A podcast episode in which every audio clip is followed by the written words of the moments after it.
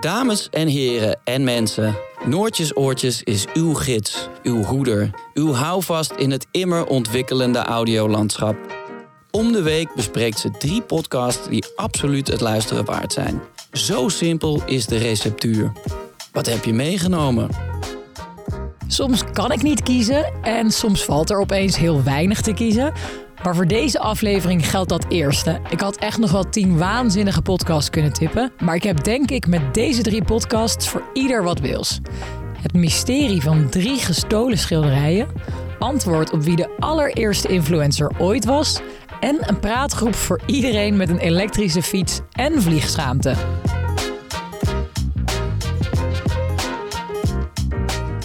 Te beginnen met de gestolen schilderijen van Jopie Huisman. Misschien ken je de podcast De Brand in het Landhuis nog.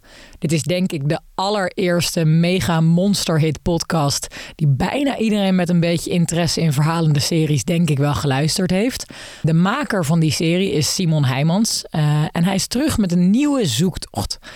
En de titel verklapt het al een beetje. Simon gaat namelijk onderzoeken wat er is gebeurd met de gestolen schilderijen van Jopie Huisman. En nu kan ik me voorstellen dat jij geen idee hebt wie deze Jopie Huisman is. Jopie was in de jaren voor 1984 steeds bekender geworden. Hij was een markante mediapersoonlijkheid. De schilder en handelaar in lompen en oude metalen, Jopie Huisman. Reden, maar als die schildert is die goud eerlijk. Jopie Huisman, autodidact. Jopie Huisman. Naast zijn leven als schilder verdiende Jopie primair zijn geld met de handel in oud ijzer en aanvankelijk ook vodden. Dat imago van de schilderende voddenboer deed het goed bij het grote publiek. Want Jopie was natuurlijk eerlijk is eerlijk ook wel iemand die ook voor zijn eigen marketing gezorgd heeft. Ja, een bijzonder persoon. Maar wanneer Jopie gaat exposeren in een galerie in Nune, gaat het mis. Drie van zijn belangrijkste werken worden gestolen terwijl hij in het ziekenhuis ligt.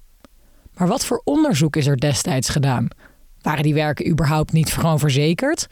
Wie waren de verdachten en waarom was Jopie van tevoren al gewaarschuwd voor de eigenaar van de galerie? Simon gaat met een luizenkammetje door alle details heen met als doel de drie werken terugvinden.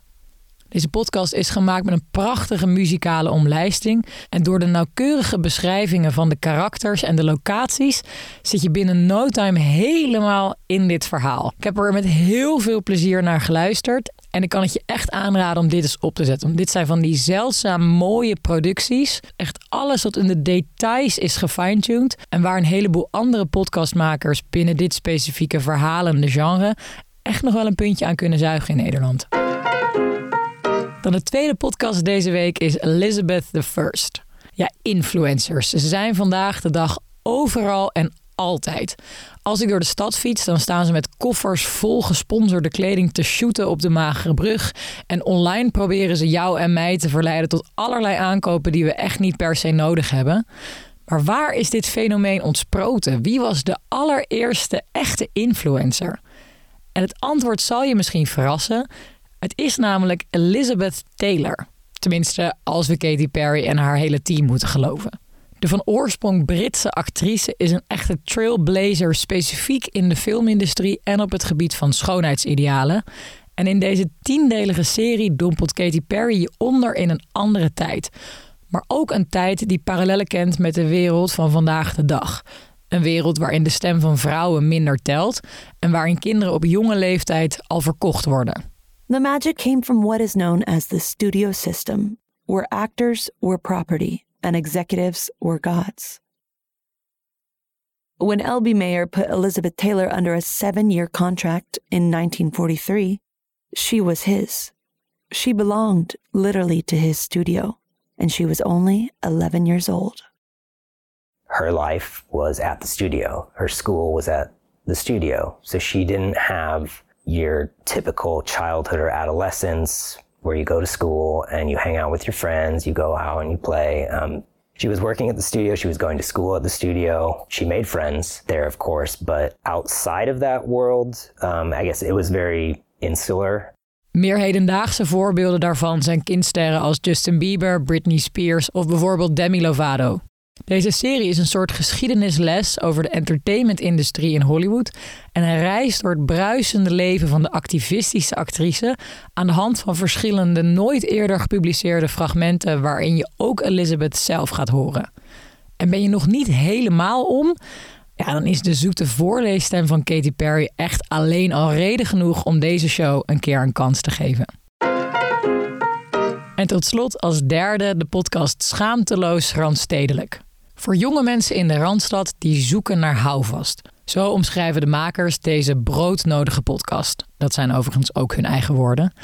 Maar laat ik beginnen met even iets voor mezelf goed praten. Uh, ik ben momenteel namelijk obsessed met randstedelijk superieur consumptiegedrag. En een obsessie heeft iets ongezonds en dat klopt in dit geval ook zeker. Ik walg er namelijk van, maar het fascineert me ook mateloos. Plus, ik doe er zelf ook gewoon aan mee. Ik koop bijvoorbeeld nooit vlees, behalve die van de chicste slagersfamilie van Nederland. Ik heb twee van Mo fietsen, AirPods. Uh, ik heb een designer spaarroodmachine. En ik ben heel erg bezig met duurzaamheid. Maar ik heb ook zes keer gevlogen dit jaar. En Perre, een van de makers, is bijvoorbeeld fan van designer sportkleding. Want hoe zien jouw eruit? Uh, ja. Met die tie-dye. Uh, ja, ja, ja, een beetje een soort paarse tie-dye. Uh, die, die had ik nu gekocht. En ja, het, het product is dus wel echt gewoon beter dan, ehm, dan gemiddeld. Maar het is natuurlijk inderdaad volslagen absurd dat, ja. dat je zoveel geld ook aan, aan, Maar het is vreselijk met dat soort dingen. Ik heb dat bijvoorbeeld met Lululemon, dat yoga merk, ja. waar ik op allerlei manieren echt van alles op aan te merken heb. Ja. Maar ik merk wel zo het verschil in kwaliteit tussen dat en een Nike of zo. Ja, ja, en het is dus ook een, een manier om je toch af te zetten tegen. Ja, ik, ik, hou, ik vind dus niet, het niet cool hoe hardlopen eruit ziet. Ja. En daardoor gebruik ik dit merk eigenlijk als een soort van virtue signaling. Het is wel van... echt heel schattig dat jij denkt dat je je ergens tegen afzet met sokken van 50 euro. dat is ook wel heel treurig. Ja, waarom willen we al die spullen kopen? En wat als ik bijvoorbeeld in Klazina Veen had gewoond en niet in deze gekke randstedelijke bubbel had gezeten? Ja, deze podcast is mijn reality check en praatgroep in één. Verhalen voor en door lotgenoten. Want in de Randstad is er echt bijna geen ontkomen aan dat walgelijke, maar ook ja, heerlijk comfortabele superieur consumeren. Het enige minpuntje van deze podcast is dat er ontzettend lelijke vormgeving is gebruikt. Echt de allergoedkoopste standaard jingles hebben ze van het internet geplukt. Maar goed, daar moet je dan maar een beetje doorheen luisteren. Dus nog eenmaal resume de gestolen schilderijen van Jopie Huisman, Elizabeth I en schaamteloos randstedelijk. Ik ben benieuwd wat je van deze tips gaat vinden. Als je ze leuk vindt, laat me dat dan vooral ook even weten. Stuur me een DM'tje of een e-mailtje, dat kan natuurlijk ook. Als je deze podcast als nieuwsbrief ook wil lezen, ga dan even naar noortjesoortjes.com. Dan kun je je daar aanmelden en dan krijg je deze ook gewoon door je internetbrievenbus. Maar voor nu zou ik zeggen, lekker luisteren. Niks missen? Volg dan ook Noortjes Oortjes op Instagram.